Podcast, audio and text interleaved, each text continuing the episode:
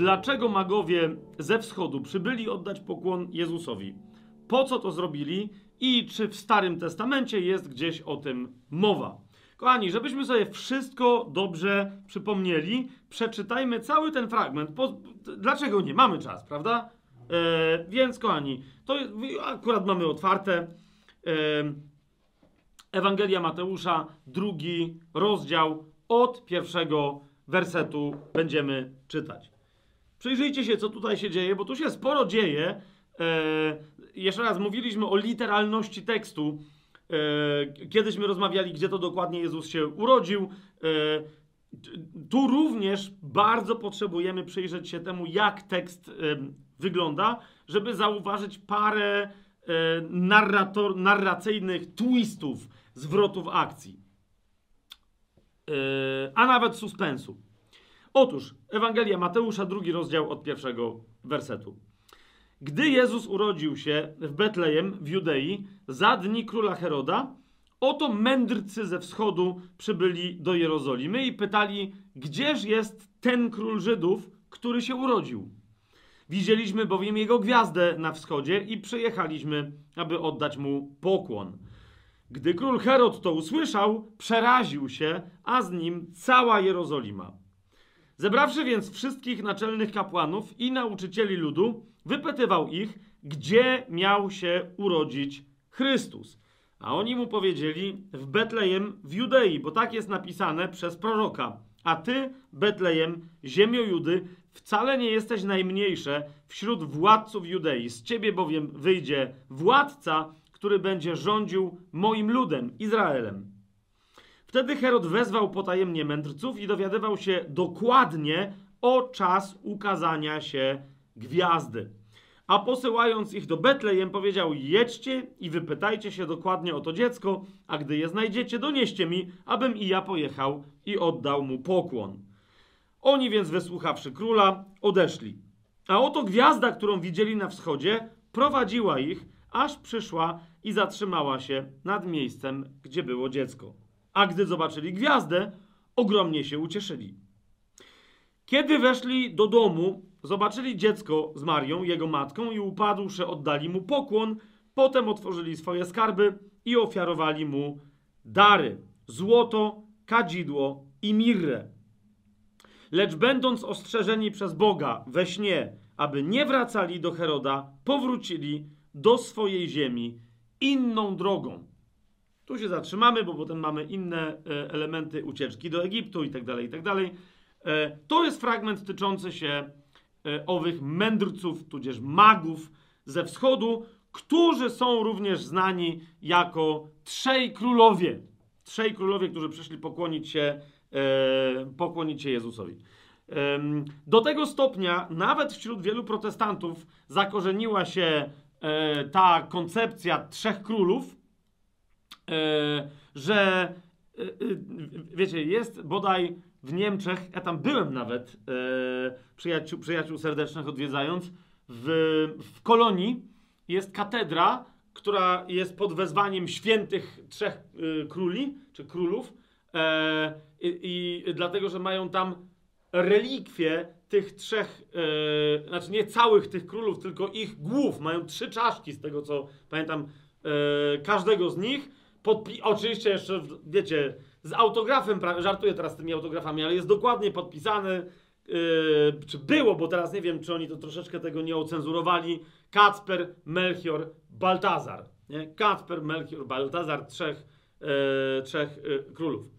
Więc kochani, yy, zacznijmy najpierw od tego, kim na pewno ci ludzie, którzy przyszli yy, pokłonić się Jezusowi, którzy przynieśli te fantastyczne, drogocenne prezenty, kim na pewno nie byli. Otóż na pewno nie byli żadnymi królami. To sobie od razu y, wyjaśnijmy i dodajmy jedną bardzo istotną rzecz, na, czasem na obrazkach jakichś tam, wiecie, różnych protestanckich, katolickich z okazji Bożego Narodzenia, na grafikach różnych w internecie, gdzie widzimy tych trzech e, króli. Po pierwsze, ja za bardzo nie wiem, dlaczego e, mamy, wiecie, tą, tą koncepcję e, trzech króli związaną z Bożym Narodzeniem, skoro, zauważcie, oni, jak się Jezus urodził, to zobaczyli jego gwiazdę, tam gdzie zobaczyli, o tym za chwilę, e, wyruszyli w drogę i to była dosyć daleka droga, tak?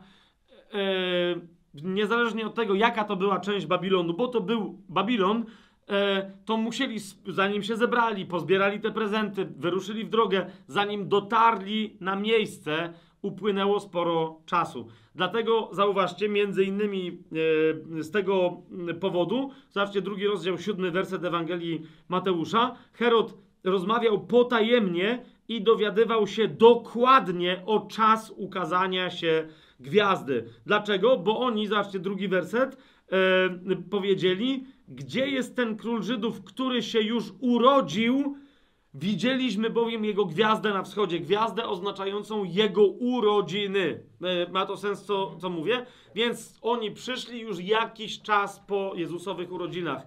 Jeszcze raz, ten wyraz, który, którym tu jest Jezus opisany w 11 wersecie, że oni weszli, zobaczyli dziecko z Marią, oznacza nie zupełnie nowonarodzone nie, y, y, dziecko, małe, małe niemowlę oseska, ale dziecko nieco już starsze, e, znaczy nieco tylko, ale jednak starsze, takie, na które zazwyczaj ten wyraz, e, tym wyrazem by się w języku greckim posłużył ktoś, gdyby zobaczył dziecko e, półroczne, roczne czy półtora roczne. Takie, które jeszcze nie chodzi, ale też już nie jest zupełnie takie tylko leżące i kwilące i nic więcej nie robiące. Ma to sens? Więc oni się pojawili tutaj później. No ale niech będzie. Mamy tych trzech króli w związku z Bożym yy, Narodzeniem. Po pierwsze, kochani, Biblia nigdzie nie mówi, że ich było trzech. Ile, ilu tych, tych, tych mężczyzn przyszło, bo to byli mężczyźni, nie wiemy. Liczba jest nieznana i nie będziemy się teraz domyślać. Z innych pewnych poszlak możemy się, możemy wszakże wnioskować, że jeżeli oni tutaj przyszli, to w znacznie większej ekipie. A więc ich może było trzech, może siedmiu, ale wraz z nimi przyszła cała świta, obstawa i tak dalej, i tak dalej. Teraz, czy byli to królowie? Nie, Biblia również nigdzie nie wspomina o żadnym królewskim charakterze tego orszaku, o królewskim charakterze któregokolwiek z tych ludzi, którzy przyszli pokłonić się Jezusowi. Zapytacie, no to skąd w ogóle taka koncepcja? Zupełnie bajkę katolicy wymyślili? Nie, nie do końca. Rzeczywiście y, pomysł z tymi mm, trzema królami jest pomysłem od samego zarania religii rzymskokatolickiej, E, bo mocno preferował tą koncepcję Augustyn na przykład, ale już u Tertuliana widać takie, takie no ale to są podobne okolice czasowe, takie wzmianki. E, z czego to wynika? Otóż, kochani, e, w momencie, kiedy chrześcijanie weszli w religię, to jest bardzo istotne, jednym z najważniejszych elementów, które zatracili, i to widać aż po, dzisiaj dzień, aż po dzisiejszy dzień w religii rzymskokatolickiej, y, jest odejście od najważniejszego przekonania co do końca czasów w Biblii i oryginalnego biblijnego chrześcijaństwa, to jest mianowicie odejście od y, tysiącletniego królestwa. Czyli, że Jezus wróci na ziemię i w momencie, kiedy wróci na ziemię, e, różne rzeczy się wtedy wydarzą. Co się między innymi wydarzy? Otóż dokładnie z tym wydarzeniem jest związany pokłon królów. No i zaraz, zaraz wam to pokażę, bo jest parę zapowiedzi w Starym Przymierzu, które mówią, a, tylko że ja cały czas odpowiadam na chodź i zobacz, tak? Yy, zatem na to pytanie, zaraz muszę, muszę sobie to otworzyć, dlaczego magowie ze wschodu przybyli oddać pokłon Jezusowi? Po co to zrobili i czy w Starym Testamencie jest gdzieś o tym mowa? Więc od razu to wyjaśniam. Te fragmenty, które teraz przywołam, są ze Starego Testamentu, ale one nie są zapowiedzią, i zaraz sobie wyjaśnimy dlaczego, tego pokłonu tych ludzi, którzy przyszli do Jezusa, kiedy on się urodził. Tylko zwracam Wam na to uwagę, kochani, że Jezus przyszedł raz na ziemię i za pierwszym razem przyszedł, jak to mamy opisane w Ewangelii Mateusza czy w Ewangelii Łukasza jako małe dziecko, naturalnie urodził się, za drugim razem przyjdzie na ziemię od razu jako już dorosły, bo z martwych wstały król.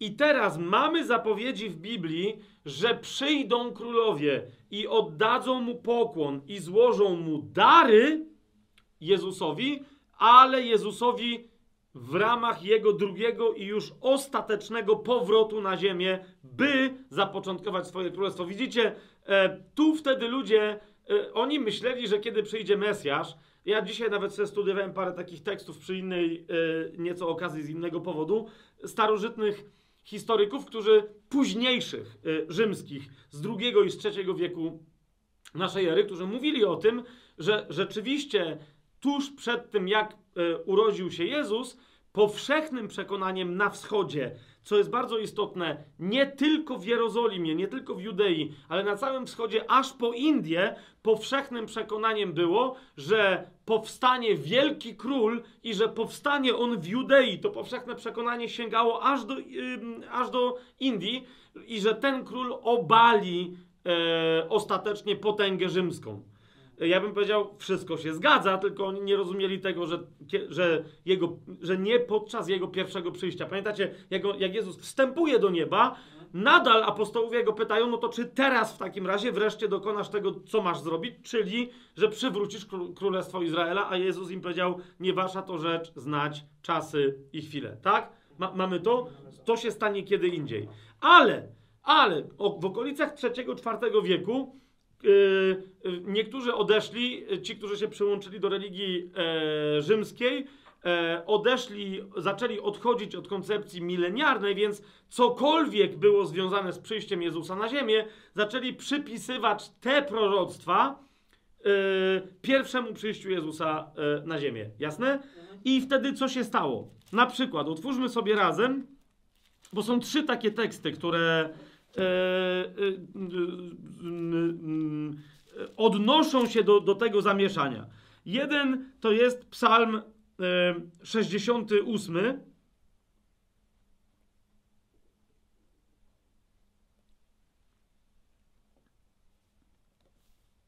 Mamy to? I tutaj mamy o, proroctwo o władcy z pokolenia Judy, więc rozumiecie, oni E, połączyli to Betlejem judzkie, wszystko gra, zwłaszcza, że to jest cały czas władca z, e, z Judy, tak? To jest 68 e, psalm, jest mowa o, o wejściu, o króla, 24 werset. Widzieli Twoje pochody, Boże, pochody mojego Boga, mojego króla w świątyni. 26 werset. W zgromadzeniach błogosławcie Boga, Pana, wy, którzy pochodzicie ze źródła Izraela. 27 werset. Tam jest mały Beniamin, który im przewodzi. Władcy Judy i ich chówce, władcy Zebulona i władcy Neftalego. Okej, okay, wszystko to fajnie, ale o co chodzi? O, i tu mamy nagle proroctwo, okay, na temat króla, który ma nadejść. 29 werset. Ze względu na Twoją świątynię w Jeruzalem królowie będą przynosić ci dary. I 31 werset mamy wyjaśnienie, jacy to królowie przyjdą dostojnicy z Egiptu. Etiopia szybko wyciągnie swoje ręce do Boga. Teraz, jeżeli ktoś z Was zna, a pilni słuchacze i uważni studenci Słowa Bożego, pilni słuchacze tajemnego planu, uważni studenci Słowa Bożego, e, za jakich mam na przykład tutaj braci, którzy ze mną siedzą, wiedzą doskonale o tym, że we wszystkich proroctwach o powrocie e, Jezusa na ziemię, o jego ostatecznym przyjściu, o jego paruzji, pojawiają się królowie z całego świata, którzy oddają mu pokłon, składają mu rozmaite dary, w tym często podkreśla się, jak istotne, aby przyszli do Jezusa dostojnicy z Egiptu oraz aby przyszli królowie czy też władcy Etiopii. Amen? Więc widzicie, y, tu jest mowa o drugim powrocie Jezusa. Skąd my wiemy, że nie chodzi o pierwszy? Ponieważ jakkolwiek by nie patrzeć, jakkolwiek by nie patrzeć, e, i Egipt, i Etiopia znajdują się na zachodzie y, Judy, na zachodzie Izraela, bo znajdują się w Afryce, a nie na wschodzie. Więc to się nie odnosi do tamtej wizyty. Ci mędrcy, którzy przyszli ze wschodu, przyszli tylko i wyłącznie ze wschodu. Czy to jest, yy, czy, czy, to jest, yy, czy to jest jasne? Yy, ja nie wiem, czy teraz to y, fragment, o którym myślę, czy go, y, czy go znajdę z pamięci. Jakkolwiek niektórzy mają taką koncepcję na mój temat, że ja pamiętam całą Biblię i dokładnie wszędzie umiejscowione fragmenty. To prawda jest taka, że aż tak dobrze to, to nie jest. W każdym razie jest taki fragment, wydaje mi się, że w pierwszej królewskiej, w którym, yy, w, w, w, którym Salomon jest przedstawiony jako absolutnie mm, y, mądry y, król y, i jest o nim powiedziane, że na zasadzie y, y, on znajduje się w środku, bo Jerozolima znajduje się w środku, tak? I jest tam powiedziane, że był najmądrzejszym człowiekiem i władcą z, na całej ziemi, mądrzejszym niż ktokolwiek w Egipcie, to był Zachód, i ktokolwiek na wschodzie, to był Babilon. Nie? I tam dokładnie Babilon jest nazwany y, krainą wschodnią, y, bo ta nazwa była y, wykorzystywana w Biblii mm, zamiennie. Wydaje mi się, że to była pierwsza księga królewska, ale czy to był czwarty, czy, czy piąty, czy szósty? Zobacz, czwarty rozdział, 30, 30 i 31 werset pierwszej królewskiej. O, widzisz. Okej, okay, okej. Okay. Czwarty. Czy dobrze myślałem, że to był czwarty, tylko nie mogłem się połapać. Dziękuję. Jak ja nie pamiętam czasem, gdzie to jest, to wtedy to mi brat Tymoteusz pomaga. E, pierwsza Księga Królewska, czwarty rozdział. E, 30 werset dokładnie. Mądrość Salomona była większa od mądrości wszystkich narodów wschodnich i od wszelkiej mądrości Egiptu. Teraz narody wschodnie to jest Babilon. Chodzi o to, że pamiętajcie, e, e, tam chodzi o pewną koncepcję mentalną wywodzącą się z Babilonu, ale która była kultywowana e, przez takie ludy jak Akadyjczycy, przez Sumero, Sumerów, którzy byli oryginalnymi Babilończykami, przez e, mm, Chaldejczyków, Persów, Asyryjczyków. To jest cały wschód.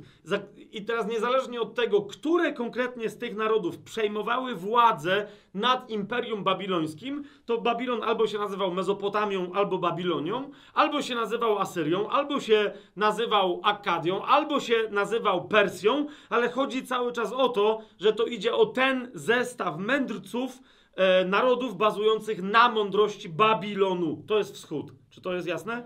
Natomiast cały Zachód, zauważcie, mądrość całego Zachodu, czy przyjdą ludzie z Etiopii, czyli Abysynii, czyli, czy, czy, czy przyjdą ludzie z y, y, Egiptu, czy z innych tamtejszych rejonów, zawsze mądrość Zachodu, czy nawet później, to jest bardzo interesujące, ci, którzy przybywają z Grecji, ci, którzy przybywają nawet z Rzymu, nadal z punktu widzenia Żyda, to są tylko ci, którzy przedłużają mądrość egipską i którzy bazują na mądrości egipskiej. Nie? Zresztą sami zobaczcie, Platon, e, czy to Pitagoras i tak dalej, i tak dalej. Wszyscy studiowali w Egipcie, Rzymianie również, jak nie studiowali, to flirtowali w Egipcie. Widzę e, znamienity cesarz i jego kochanka Kleopatra. Ona była nie Rzymianką, tylko Egipcjanką, tak?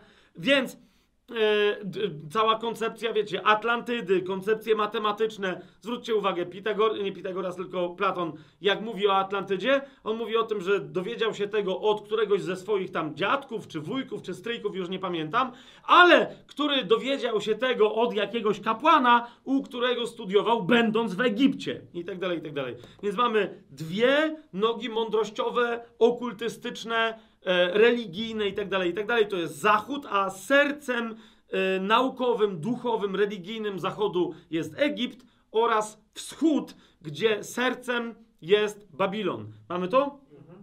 Więc pierwsze proroctwo zostało przypisane, że to byli królowie z Psalmu 68. Teraz wróćmy do psalmów. Drugie proroctwo, tam zaraz nieopodal, że tak powiem, yy, polegujące, to jest E, psalm 72. W psalmie 72 e, czytamy, to jest, e, to jest e, od wersetu 9 do wersetu 11. Upadną przed nim mieszkańcy pustyni, a jego wrogowie będą proch lizać. Królowie Tarszisz i wysp przyniosą dary, królowie Szeby i Saby złożą daninę i oddadzą mu pokłon. Wszyscy królowie, wszystkie narody będą mu służyć. Mamy to? Teraz do tego, znaczy złożą mu dary i kto to będzie? To będą królowie, tak? Ale kochani, ale komu on, oni złożą e, te dary? No, mamy 72 psalm, pierwszy werset. Boże, daj królowi swoje sądy i swoją sprawiedliwość synowi królewskiemu. No to czyli wiadomo, to jest psalm mesjański. Ale w jakim czasie ci królowie złożą mu, e, e, złożą mu dary?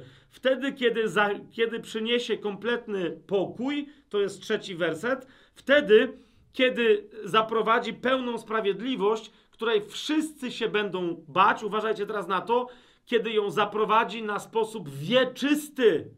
Ok? Skąd o tym wiemy? Bo w piątym wersecie mamy napisane: Będą się ciebie bać, póki będzie trwać słońce i księżyc z pokolenia na pokolenie. Dalej, bardzo istotne, zakwitnie, siódmy werset, zakwitnie sprawiedliwość i pokój. I, co jest istotne, ósmy werset, będzie panował od morza do morza, od rzeki aż po krańce ziemi. To jest władztwo totalne nad całą ziemią w królestwie tysiącletnim, zanim jeszcze ono nawet zostanie ustanowione, bo niektórzy zwracają uwagę, że on potem zniesie nawet morze, aby władać całą ziemią, zostaną tylko rzeki, tak? Ale my wiemy, że królestwo jest założone, najpierw trwają sądy, król już jest na ziemi, ma sąd nad narodami, stąd tu jeszcze są te, te morza, tak? Ale on już ma władzę, którą sprawuje nad wszystkimi narodami, tak? I przyjdą kto wtedy do niego? Królowie wszyscy. Zobaczcie, jedenasty werset. Oddadzą mu pokłon wszyscy królowie i wszystkie narody będą mu służyć. Mamy to? A nie tylko królowie ze wschodu. Zwłaszcza, że, kochani, dziesiąty werset mówi wyraźnie, znów bo to, że królowie ze wschodu to łaski nie robią. Królowie z zachodu normalnie dla Jerozolimy, dla Judy, dla królestwa Izraela byli nieosiągalni. A tu czytamy, że przyjdą królowie z zachodu. Ok? Mianowicie przyjdą królowie z i z wysp. Co to jest Tarszisz? Tam są różne koncepcje, wiecie, egzeketyczno-geograficzne i starcia, ale wszyscy wiedzą, że Tarszisz znajduje się na Morzu Śródziemnym. Tak?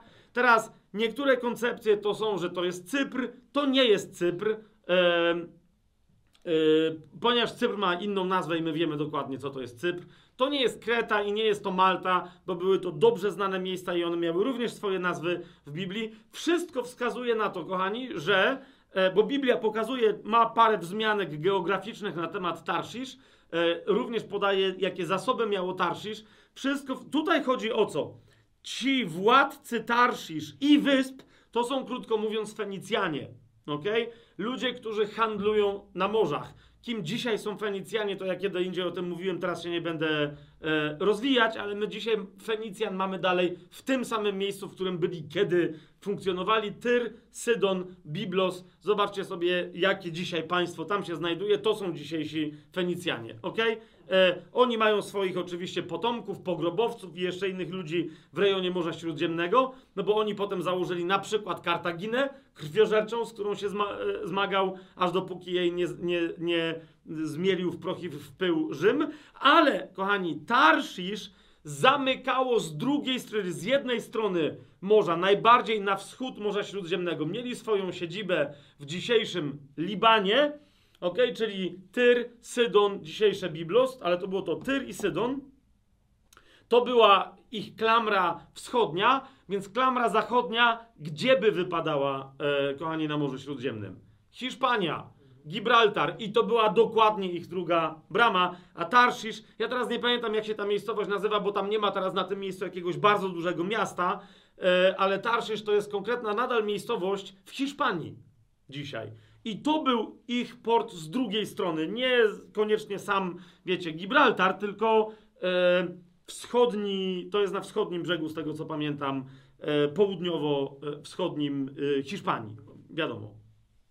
To jest Tarszisz. Ale teraz, gdzie by nie był ten Tarszisz, to jest jasne, że te wyspy i Tarszisz znajdują się na zachód od Jerozolimy i chodzi o królów, którzy przyjdą stamtąd. Podobnie jak Szeba i Saba znajdują się e, tutaj, znowu może być dyskusja, która jest to konkretnie kraina, która jest częścią Arabii, a która jest częścią Abisynii, czy Etiopii, czy Sudanu. Tak czy siak to jest południe i to stricte południe i raczej zachodnie południe niż wschód. Jasne? Więc to był drugi fragment, kochani, który mówił o tym, że e, to są królowie. Jeszcze raz, przyjdą królowie, czyli Psalm 68, Psalm 72. Ale te fragmenty odnoszą się do drugiego przyjścia króla Jezusa na ziemię, a nie do pierwszego. Jasne? I był wreszcie trzeci fragment, na który się niektórzy powoływali, z mianowicie księgi Izajasza. No bo skąd?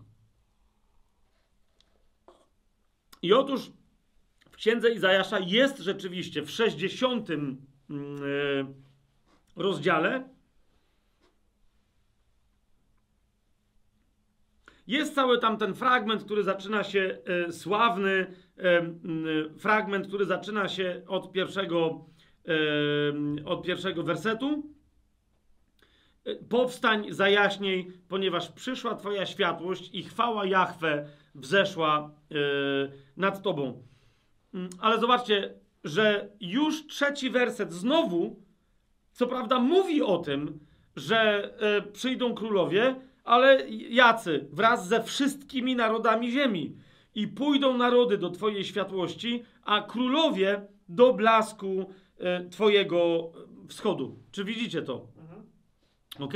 Natomiast czemu e, ten fragment został przywiązany? Bo są tu królowie, ale jest inny element, który gra tutaj bardzo ważną rolę. Mianowicie, że kiedy przyjdą ci królowie i oddadzą pokłon, przyniosą dary. Szósty werset, tak? Okryje cię mnóstwo wielbłądów, dromadery z Midianu i Efy, dlatego ci trzej królowie na obrazkach mają wielbłądy. Ja nie mówię, że nie przyjechali z wielbłądami, ale to, że je mają, to dlatego właśnie, ze względu na te dromadery z Midianu i z Efy.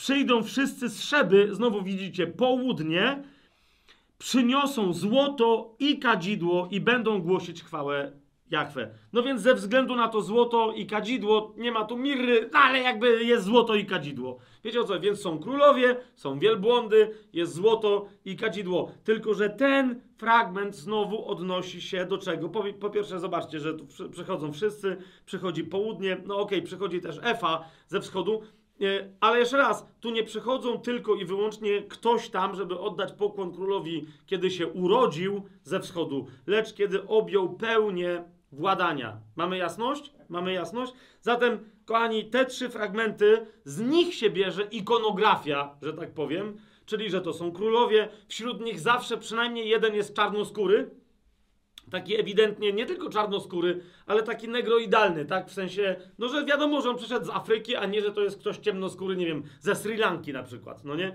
Więc to jest to, to jest dokładnie z tych fragmentów, bo ewidentnie tu jest wspomniana czarna Afryka, i Egipt, i e, Etiopia, a może nawet i Sudan.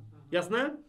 Ale kochani, to nie, ci ludzie nie mają nic wspólnego z tymi z Ewangelii Mateusza, z drugiego rozdziału, o których e, Mateusz, których Mateusz nazywa magami ze wschodu. Więc z, odpowiedzmy sobie na pytanie, kimże oni byli. Drugi rozdział Ewangelii Mateusza, pierwszy werset. Gdy Jezus urodził się w Betlejem, w Judei, za dni króla Heroda, oto mędrcy ze wschodu przybyli do Jerozolimy i pytali. I dalej ta myśl jest kontynuowana. Mamy jasne sformułowanie, które ich definiuje. Po pierwsze, są ze wschodu. A więc oni reprezentują e, narody wschodnie, tak jak żeśmy to w tej pierwszej królewskiej e, znaleźli, całą tą żydowską koncepcję narodów wschodu. Mhm. Tak? Narodów wschodu.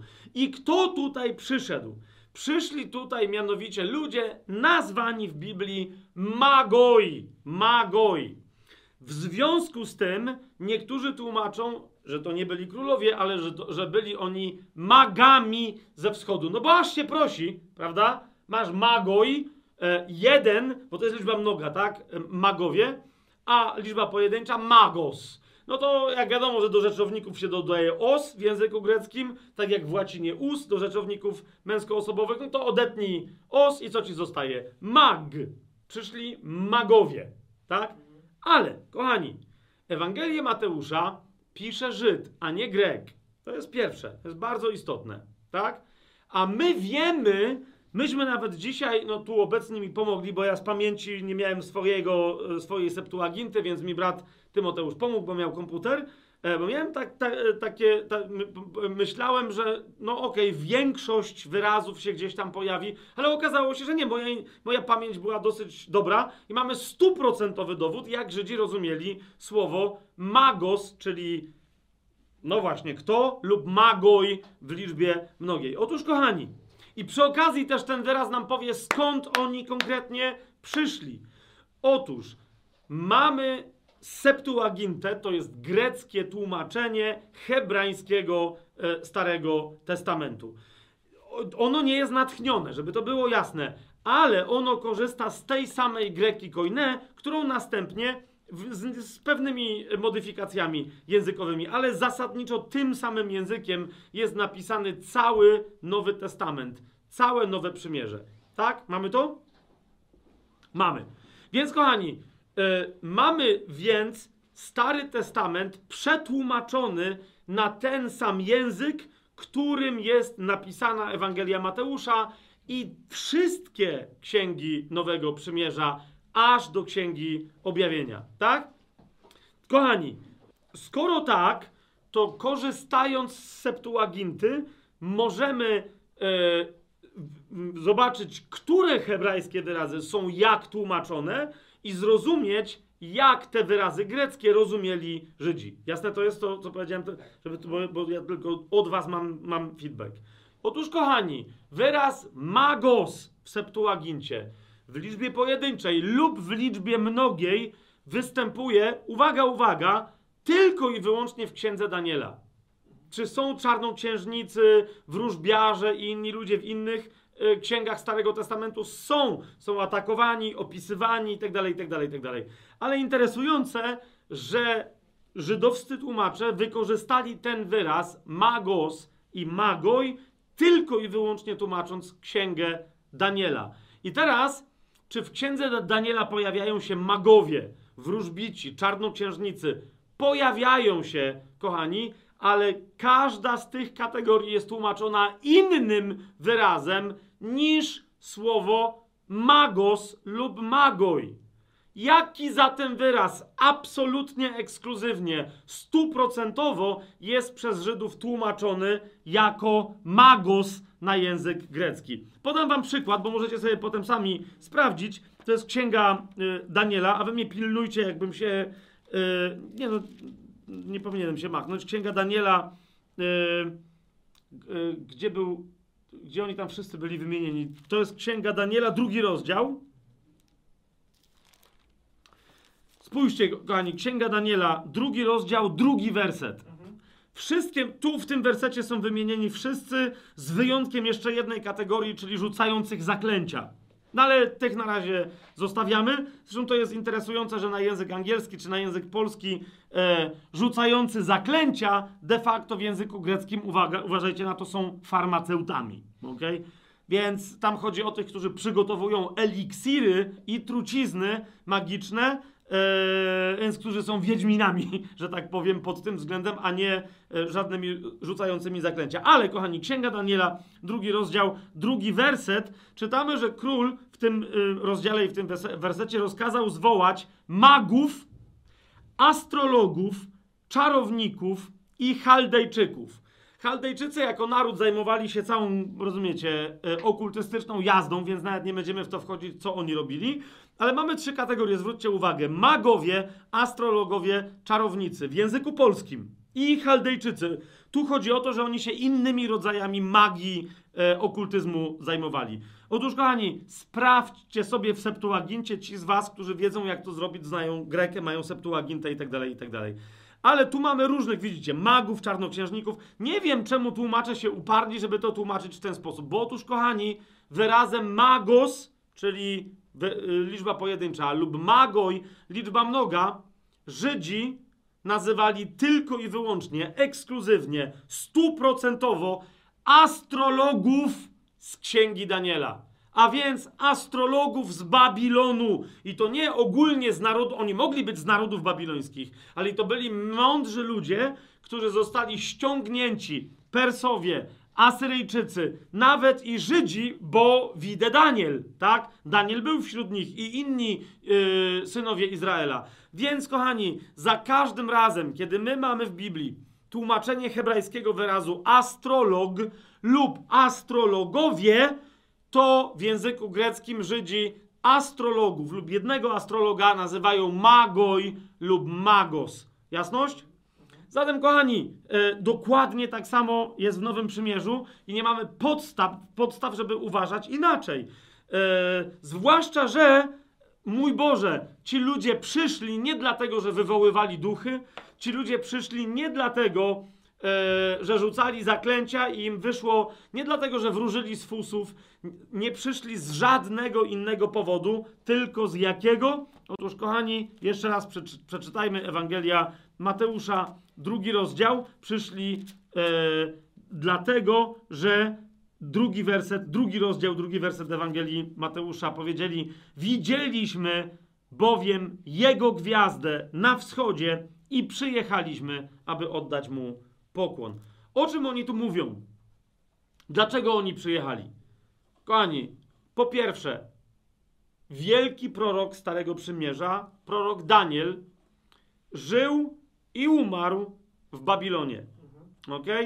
Był nie tylko, że jednym z wielu tam mądrych ludzi, ale w odróżnieniu od wszystkich tych mądrych ludzi, e, stricte parających się okultyzmem, służących królowi, żeby rzucać zaklęcia w ramach wojen, biznesu itd., itd., żeby, rozumiecie, demony mordowały tam innych ludzi. Oprócz magów, którzy się zajmowali czynieniem cudów, znaków itd., itd., oprócz tych rzucających zaklęcia, zajmujących się farmakologią, przyrządzających różne trucizny, napoje y, y, y, itd., eliksiry, E, oprócz wróżbitów, którzy wróżyli z różnych tam znaków, z fusów, z e, krwi zwierząt zabitych, e, oprócz astrologów, to jest bardzo istotne, Daniel nie był przypisany do żadnej z tych kategorii. Z tych kategorii. Ale, co bardzo istotne, był zwierzchnikiem w pewnym momencie, wykazawszy się wobec niejednego króla i nie tylko królów babilońskich, ale także wobec władców perskich. Zwróćcie uwagę, jednym z jego, jednym z tych, e, z którymi on się spotyka jest nie- e, na przykład Dariusz. Więc Daniel przez lata wykazał się tam wiedzą, która nie była okultystyczna, nie bazowała na matematyce, nie bazowała na obserwacji nieba i tak dalej, i tak dalej, i tak dalej, a jednak jego wgląd, jego mądrość, poznanie, znajomość przyszłości były znacznie lepsze niż wszystkich tych ekip, więc został uczyniony e, przełożonym nad e, tymi wszystkimi. Teraz uważajcie, bo my z, 20, z punktu XXI wieku nazywali, byliśmy ich magami, okultystami, czarnoksiężnikami itd., itd., itd. Ale w, tamtej, w tamtym wieku to byli naukowcy. Niektórzy z nich się zajmowali, wiecie, dziwacznymi rzeczami, tak jakby ci dzisiaj się nie zajmowali dziwacznymi rzeczami. Niektórzy zajmowali się dziwacznymi teoriami, jakby ci dzisiaj nie zajmowali się niektórzy dziwacznymi i bajkowymi teoriami, tak? Na tym cała rzecz polega, na tym nauka polega, że stawiasz pewne tezy, które, hipotezy, które później zamieniają się w tezy, które mogą być udowodnione, albo nie. I teraz, kochani, ci astrologowie, yy, dlaczego wszyscy oni byli sponsorowani w swoich badaniach? Ponieważ y, mieli się przyczynić do dobra swojego władcy. Babilońscy władcy, perscy władcy nazywali sami siebie panami panów i królami królów, a więc takich hiper, mega władców dla ich dobra, dla dobra ich królestwa i ich królestw, dla dobra ich imperium, okej? E, Zatem, jeżeli ktoś się zajmował ruchami ciał niebieskich, to mógł być, wiecie, starożytny Kopernik, ale przychodził do niego król i mu mówił, no ale co mi jest z tego? E, Co ja tam polecę, czy co? No nie, to co mi jest z tego? No więc oni powiedzieli, no bo z gwiazd można wyczytać, nie wiem, przeszłość, przyszłość, cokolwiek. Fantastycznie, w takim razie mówcie mi, co będzie w przyszłości, więc byli sponsorowani cała ta ich nauka. Wielu z nich zajmowało się zwyczajnie, jak my to widzimy, na e, tabliczkach z, z tamtych różnych okresów, oni się po prostu zajmowali zwyczajną astronomią, obserwacją e, e, nieba, ruchów ciał niebieskich po niebie, powtarzalnością albo niepowtarzalnością tych ruchów. I teraz, kochani, ewidentnie e, musiało dojść do następującej sytuacji, bo E, e, rozumiecie, jeżeli się zajmowali astronomią i powtarzalnością ruchów na niebie, ciał niebieskich, to musieli się zajmować matematyką. Jeżeli matematyką, to geometrią i tak dalej, i tak dalej, i tak dalej. Zwróćcie uwagę, jak bardzo, nie jak bardzo, jak najbardziej w Starym Przymierzu, gdy chodzi o proroctwa matematyczna, precyzyjnie matematyczna i matematycznie precyzyjna jest Księga Daniela. Zwracam wam na przykład uwagę na proroctwo 70 tygodni lat, czyli proroctwo na temat 490 lat minus jeden tydzień to jest 483 lat. Daniel prorokuje dokładnie, od którego momentu w historii trzeba liczyć 483 biblijne lata, dodam jeszcze dla kompletnej precyzji, żeby wiedzieć, kiedy Mesjasz zostanie zabity za grzechy całego świata. Nie za siebie, a więc niewinny i bezgrzeszny Mesjasz zostanie zabity za grzechy całego, yy, całego świata. To jest proroctwo, masz, masz parę długich rozdziałów, zwłaszcza siódmy rozdział, dziewiąty rozdział i tak dalej, dalej w księdze, yy, w księdze Daniela. Amen? P precyzja matematyczna. I teraz, kochani, nie znajdujemy w tej księdze, to jest bardzo interesujące, żadnej informacji na temat gwiazd na niebie. Ale ewidentnie z tego fragmentu wynika, że do Jerozolimy przyszli ludzie nie znający Biblii, ale przyszli ludzie, którzy wiedzieli wszystko na temat Mesjasza żydowskiego. Skąd mieliby wiedzieć? No, od czasów e, niewoli babilońskiej minęło już paręset ładnych lat, e, przynajmniej, bo to zależy jak ich liczyć, ale tu nie, nie wiem ile to było pokolenia, ale 500-600 lat tutaj mija. Niemniej, rozumiecie, oni są z kasty, która kultywuje wiedzę. Jak żadna inna kasta, bardziej nawet niż to czyniły kasty e, kapłanów egipskich, bo tamci kultywowali religię, a ci jednak wiedzę. Nie? Tamci straszli ludzi różnymi koncepcjami, znali triki i kultywowali, kultywowali wiedzę o tym, jak się robi cuda dla faraona.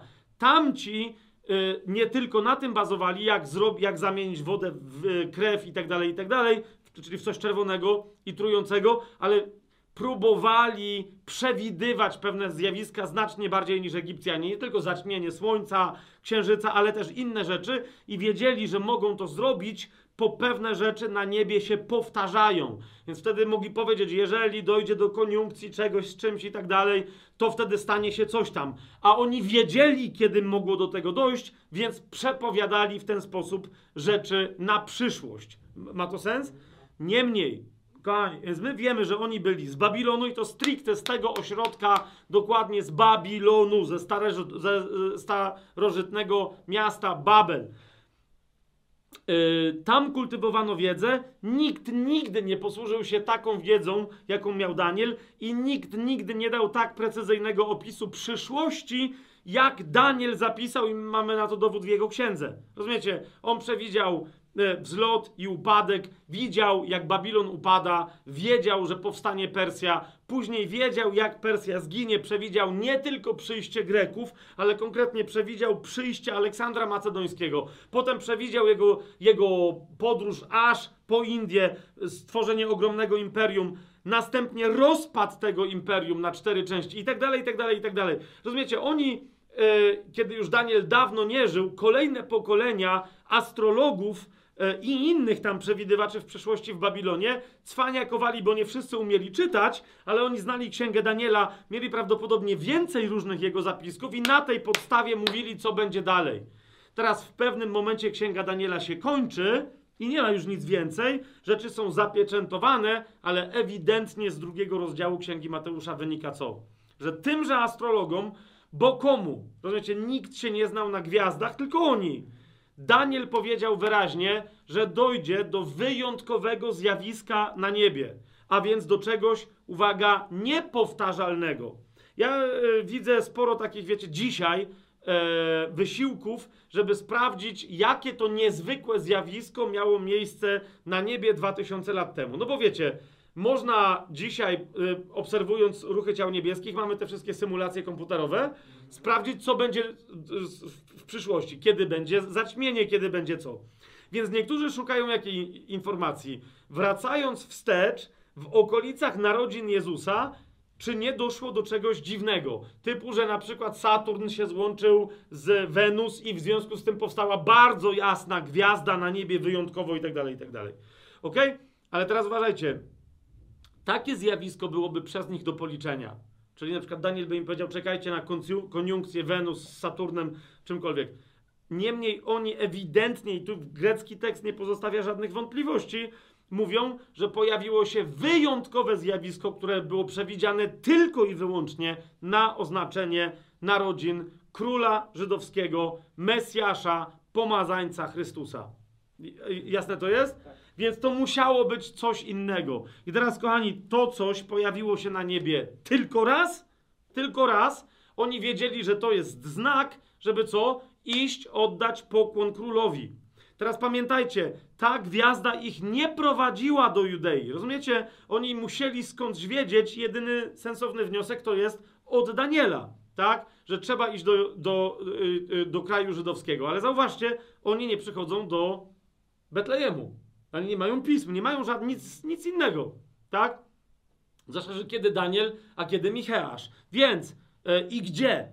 Więc skąd, żeby mieli te księgi e, e, mieć? Ale kochani, oni przychodzą, wiedzą, no bo wiedzą przynajmniej tyle, gdzie jest stolica państwa żydowskiego, że to jest Jerozolima. Przychodzą tam i pytają się, gdzie jest więc ten nowonarodzony król żydowski?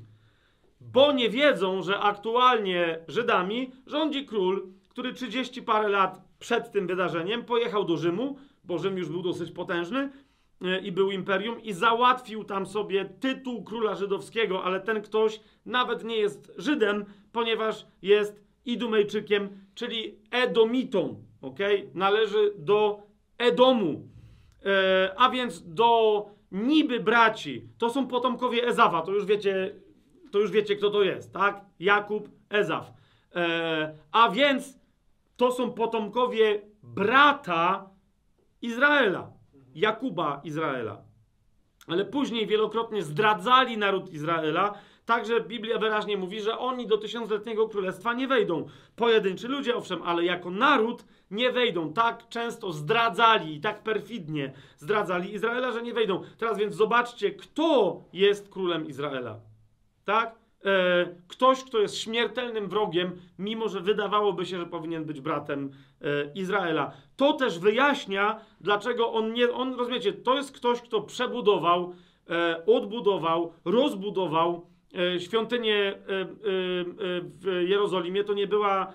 Rozumiecie, oryginalna świątynia Salomona, ona musiała być odnowiona, więc ta świątynia, o której Jezus mówił, że powinna, że, że, że może być zburzona w trzy dni, na którą patrząc mówił, że ją w trzy dni odbuduje, to była świątynia Heroda Wielkiego. Dokładnie tego Edomit. On próbował robić wszystko, aby się wkupić w łaski tego narodu. Obdarowywał ich e, przywilejami, tytułami, między innymi wiedząc, jak e, ważna jest dla nich świątynia, przestrzegał przynajmniej na pokaz e, hardkorowo i ortodoksyjnie całego prawa mojżeszowego i między innymi samą świątynię on e, odbudował w ciągu e, historycznie licząc półtorej roku czy dwóch lat.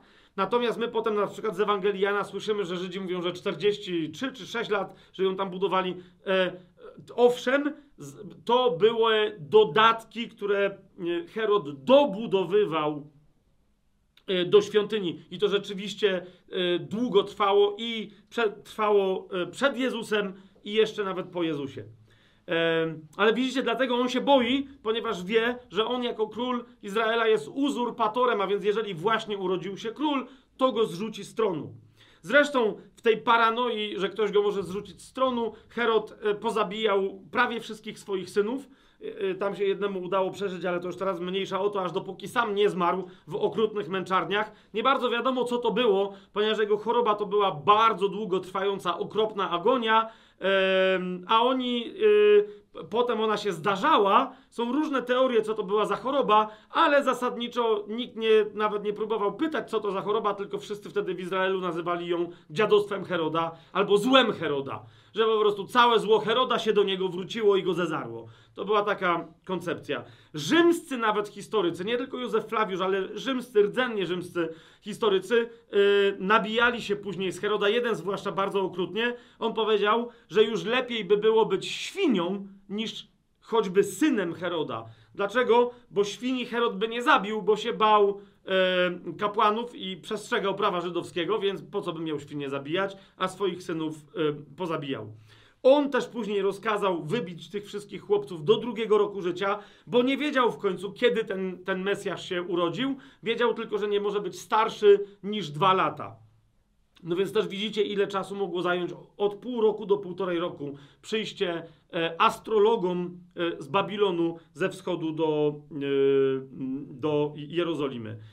Zapytacie, dlaczego w takim razie jest napisane, że strach padł nie tylko na Heroda, ale na wszystkich w Jerozolimie? Bo zauważcie, że nie padł potem strach, strach na ludzi w Izraelu czy w Judzie, tylko na tych, którzy byli w Jerozolimie, no bo oni żyli z tego, że Herod próbował się im przypodobywać. Uczeni w piśmie, faryzeusze, starsi wszelkiego rodzaju arcykapłani, oni żyli, saduceusze żyli z tego, że Herod się im przypodobywał. E, oni mieli z tego pieniądze ze współpracy z Rzymianami, których on był wysłannikiem i namaszczeńcem itd., tak itd. Tak Więc cała Jerozolima, Jerozolima dostojników i kolaborantów rzymskich zadrżała wraz z nim, bo wiedzieli, że kiedy przyjdzie król i y, to zrobi to, co jest obiecane, że zrobi, a sprawiedliwość dla nich nie oznaczała niczego, e, absolutnie niczego dobrego.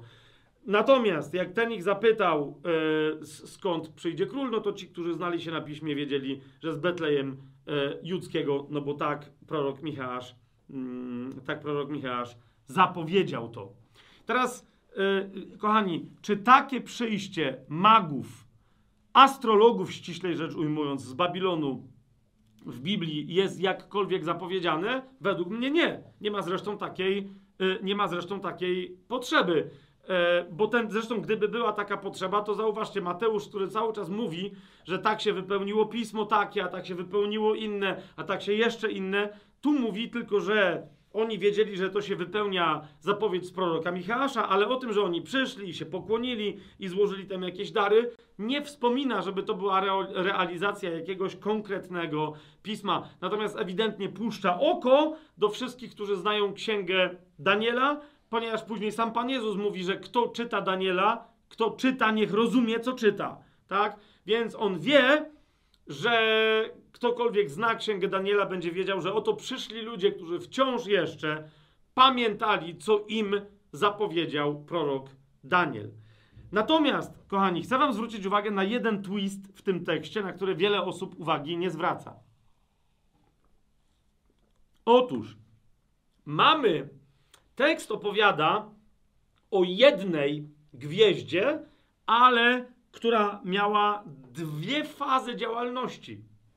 Ok? Otóż ta sama gwiazda, i teraz jest pytanie, co to za zjawisko, bo niektórzy mówią kometa, coś tam, różne tam historie.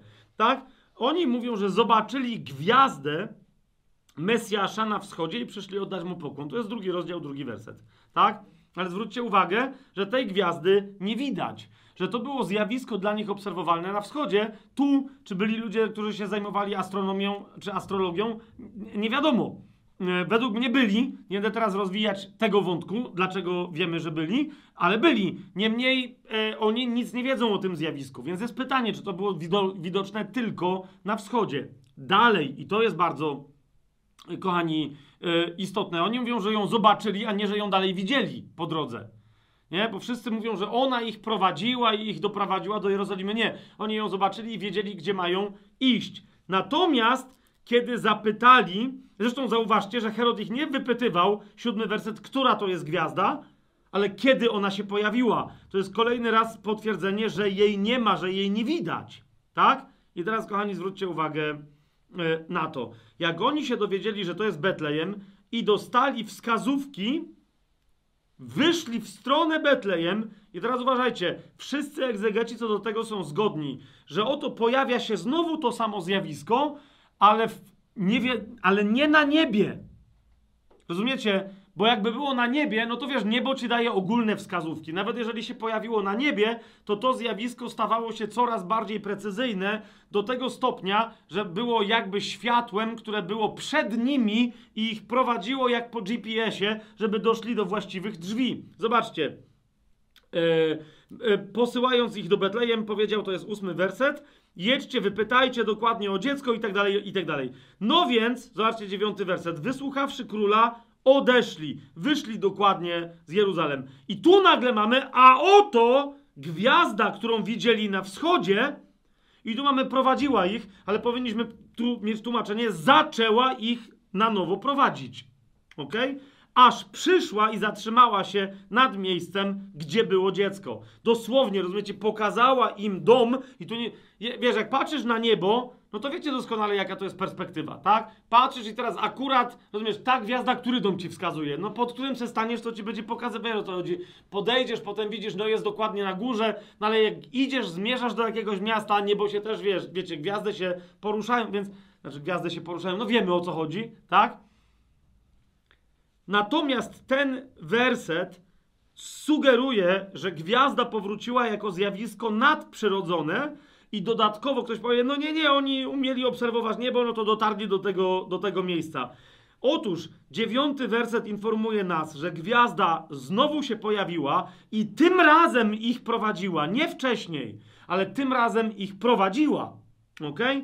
I dodatkowo do, dowiadujemy się, że dotarli aż do miejsca, gdzie było dziecko. I mamy dodatkowy werset komentujący pojawienie się gwiazdy. Mianowicie, że to jest dziesiąty werset. A gdy zobaczyli gwiazdę, lub też można byłoby ten werset przetłumaczyć, a co do tego, że zobaczyli gwiazdę, to gdy ją zobaczyli, doświadczył im wybuch radości. Rozumiecie?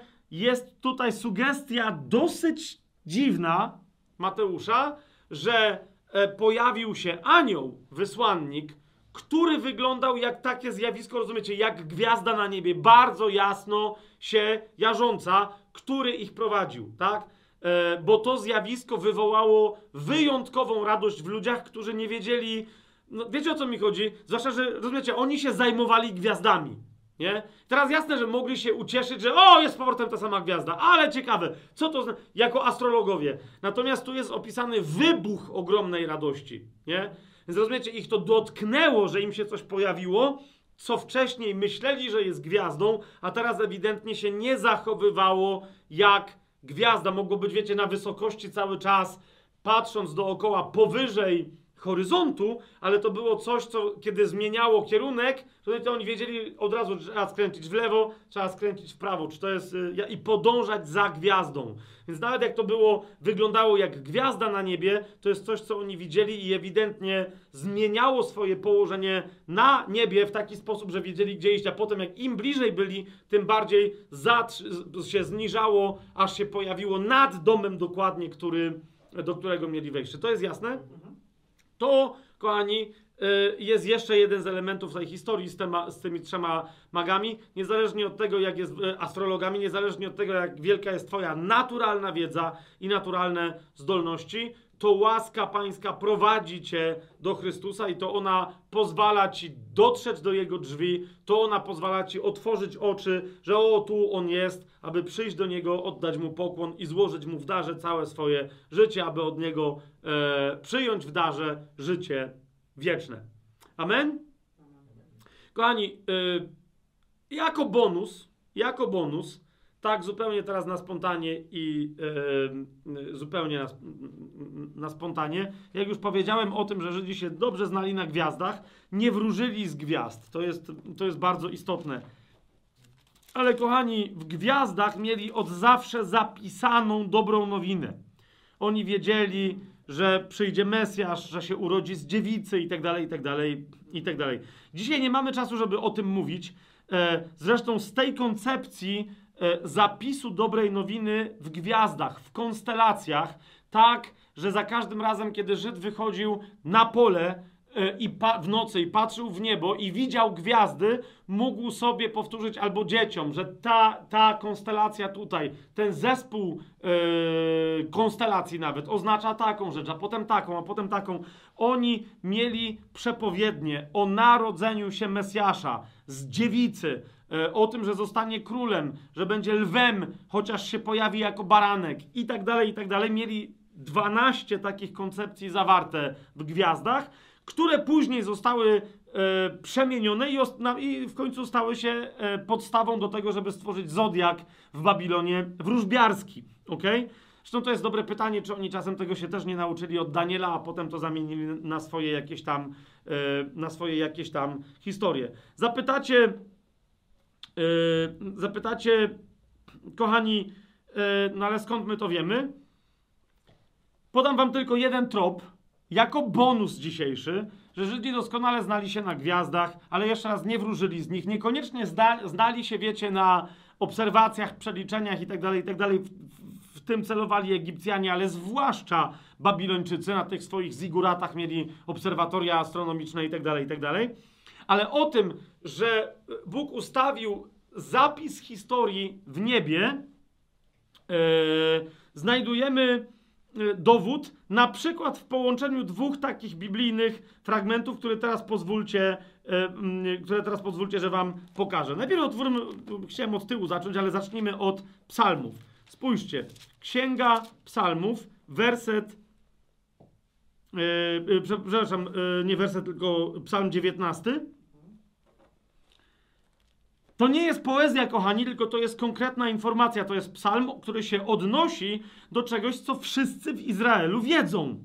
Okay? Co wszyscy w Izraelu wiedzą. Mianowicie, spójrzcie na niebo i przypomnijcie sobie, czego nas Pan naucza, jak się Jego chwała objawia i jak się jeszcze objawi. Zobaczcie, psalm 19. Niebiosa głoszą, to jest od pierwszego wersetu, tak? Niebiosa głoszą chwałę Boga, a firmament obwieszcza dzieło Jego rąk.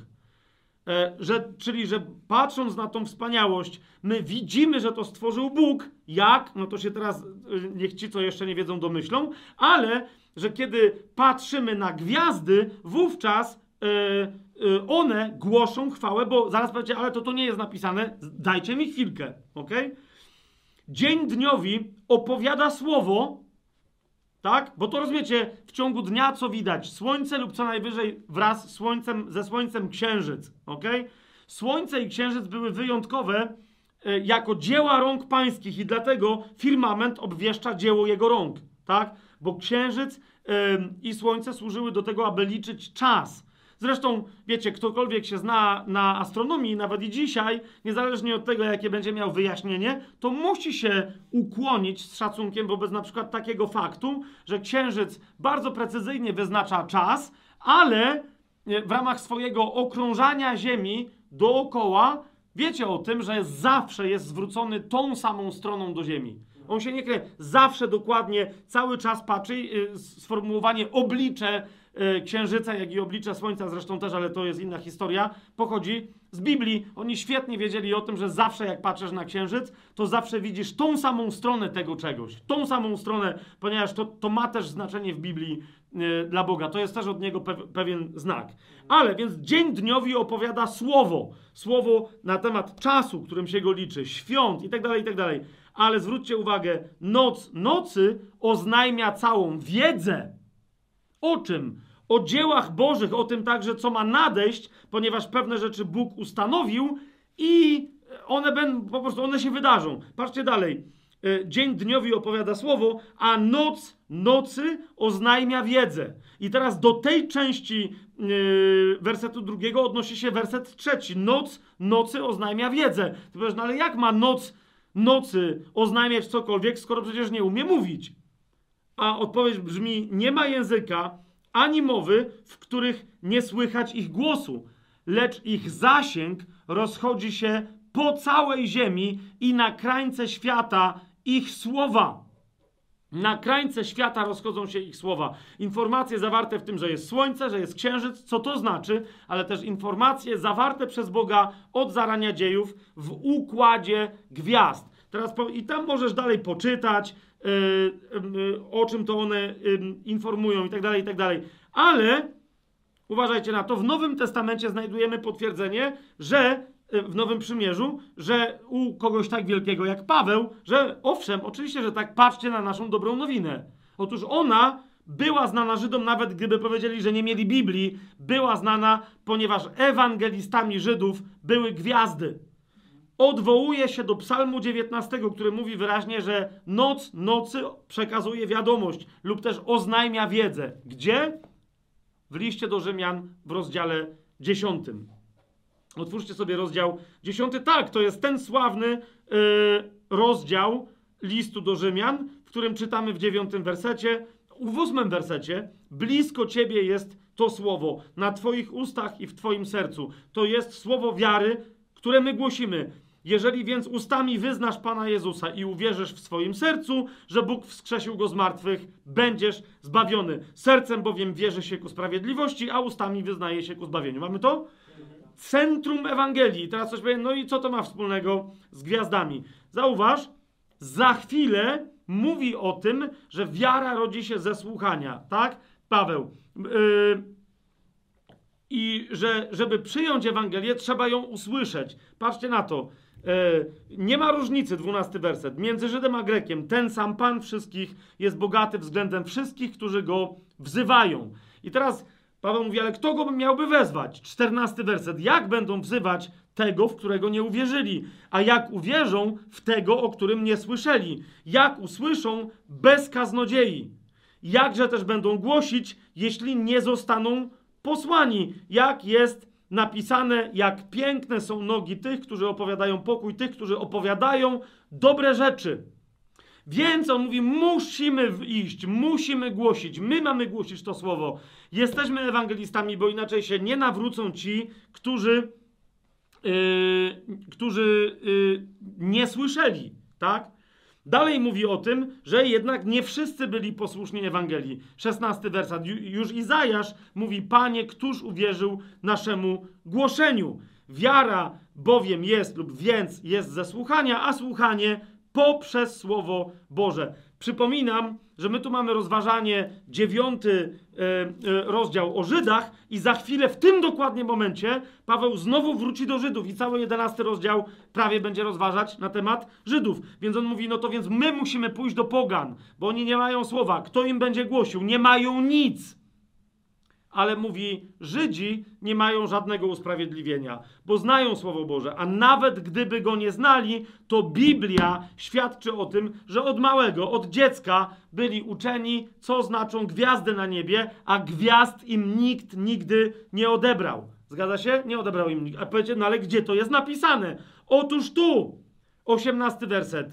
Pytam jednak, czy nie słyszeli? Kto? Żydzi bo tu jest mowa o Izajaszu i o tym, że mówi, że jednak nie wszyscy nam uwierzyli. Czy nie słyszeli? Ależ owszem, co? Czy, czy, nie słyszeli czego? Owej dobrej nowiny, owej Ewangelii. Paweł mówi, oczywiście, że słyszeli. I na dowód tego, co cytuje? Psalm 19, werset 4. Po całej ziemi rozszedł się ich głos i na krańce świata ich słowa. Rozszedł się głos i słowa kogo? Głosicieli dobrej nowiny. Ale tam jest mowa o kim? O gwiazdach na niebie oraz o słońcu i o księżycu. Amen?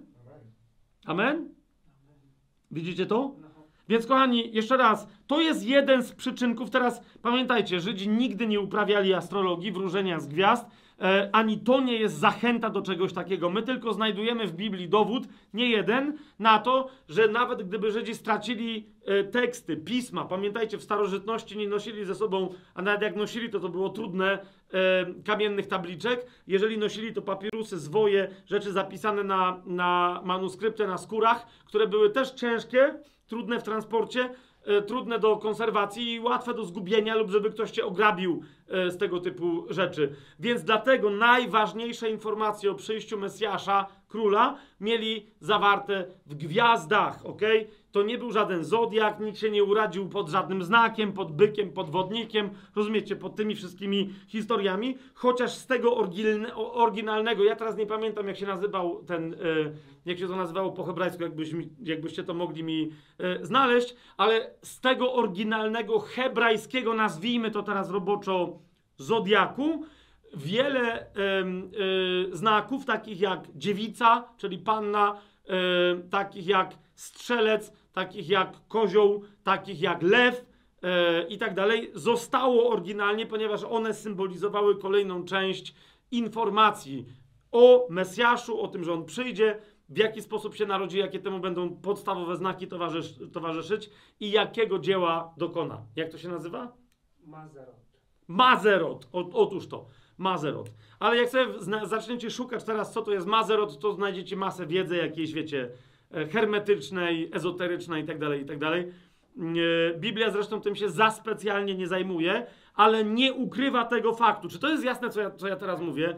Że Żydzi, patrząc na gwiazdy, tam również mieli zapisaną informację i każdy, kto na nie patrzył, mógł przekazywać dziadek wnuczkowi, e, mama córce i tak dalej, i tak dalej. Mówili, zobacz, to zapamiętaj. I oni nie mieli żadnej wielkiej niedźwiedzicy, czy rozumiecie, oni patrzyli na niebo tylko i wyłącznie po to, żeby widzieć tam zapisaną raz na zawsze w gwiazdach, dopóki historia tych gwiazd się nie wypełni, a więc dopóki Chrystus Król nie wróci zwycięski na ziemię, bo wtedy co się stanie? Niebo zwinie się jak płonący papier i to będzie koniec. Dopóki to się nie stanie, dopóty ta historia, przepowiednia wszystkiego tego, co jeszcze ma nadejść. Teraz już został tylko jeden znak, czyli powrót y, Chrystusa Króla na ziemię. Wszystkie inne on już, y, cała jego historia się wypełniła. A więc jeszcze jeden i, y, i to jest tyle. E, niemniej, niemniej to, to jest to, dlaczego powiedziałem, że to nie jest tak, że Żydzi nie patrzyli w niebo i czego nie obserwowali. Nie? Niemniej oni patrzyli na niebo jako zapis czegoś statycznego, raz na zawsze zapisanego, a nie znacznie mniej zajmowali się zjawiskami wyjątkowymi zachodzącymi na niebie, kometami, nieregularnym ruchem planet i tak dalej. Yy, I tak. Kochani, yy, gdy idzie o. Mam nadzieję, mam nadzieję, że gdy idzie o pytanie o, yy, o owych królów, którzy nie byli królami, których nie było trzech, ale o owych astrologów z Babilonu, którzy przychodzą oddać pokłon Chrystusowi, myślę, żeby to było wszystko. Swoją drogą zwróćcie uwagę, jak niektórzy mówią, że dopiero Paweł wymyślił, złośliwcy oczywiście, e, i krytycy chrześcijaństwa, że dopiero Paweł wymyślił, e, e, chociaż są tacy, co mienią się być chrześcijanami i wciąż uważają, że to, że to jest wymysł Pawła, że to nie był oryginalny zamysł Boży, żeby mianowicie e, w jedno ciało połączyć pogan e, i Izrael, e, etnicznych Żydów i pogan. I niektórzy mówią, nie, to dopiero Paweł wymyślił, nie, nie, trzeba zostać Żydem, trzeba się dać obrzezać. Rozumiecie, przychodzili tacy cwaniacy do, Gali, do nie do Galilejczyków, tylko do Galacjan i tak dalej, i tak dalej. I że Paweł tam coś namieszał. Jeszcze raz, zwróćcie uwagę, Jezus zanim jeszcze zaczął cokolwiek głosić, zanim zaczął mówić, przyciągnął do siebie i reprezentantów e, etnicznych Żydów Izraela, Judy, przyszli do niego pasterze z Judei oraz przyciągnął do siebie reprezentantów najbardziej wyrafinowanego intelektualnie itd., itd., religijnie niejudaistycznego świata pogan. Nie barbarzyńców, ale pogan, tak? Czyli e, astrologów e, ze wschodu. Oni, jedni i drudzy przyszli oddać pokłon, e, pokłon Jezusowi i Jezus prawdziwie, Jezus, a nie Paweł czy ktokolwiek inny. Jezus powiedział, że kiedy zostanie wywyższony nad ziemię, przyciągnie wszystkich do siebie, a list do Efezjan mówi nam wyraźnie, to jest drugi rozdział od 14 wersetu, on jest naszym pokojem. On, który z obydwu części ludzkości tutaj w domyśle, on, który z obydwu y, uczynił jedno i zburzył stojący pośrodku mur, który był przegrodą, znosząc przez swoje ciało nieprzyjaźń, prawo przykazań wyrażone w przepisach, aby z dwóch różnych ludzi, Żyda i poganina, czyli nie Żyda, stworzyć w samym sobie jednego nowego człowieka, czyniąc pokój i aby pojednać z Bogiem obydwu w jednym ciele przez krzyż, zgładziwszy przez ów krzyż wszelkiego rodzaju nieprzyjaźń. Amen. To jest nasz Pan Jezus Chrystus. Taki się począł, taki się urodził, taki umarł, taki zmartwychwstał, taki żyje, zasiadając po prawicy Ojca i taki powróci, aby sądzić całą ziemię, aby wreszcie zaprowadzić pełny pokój i sprawiedliwość.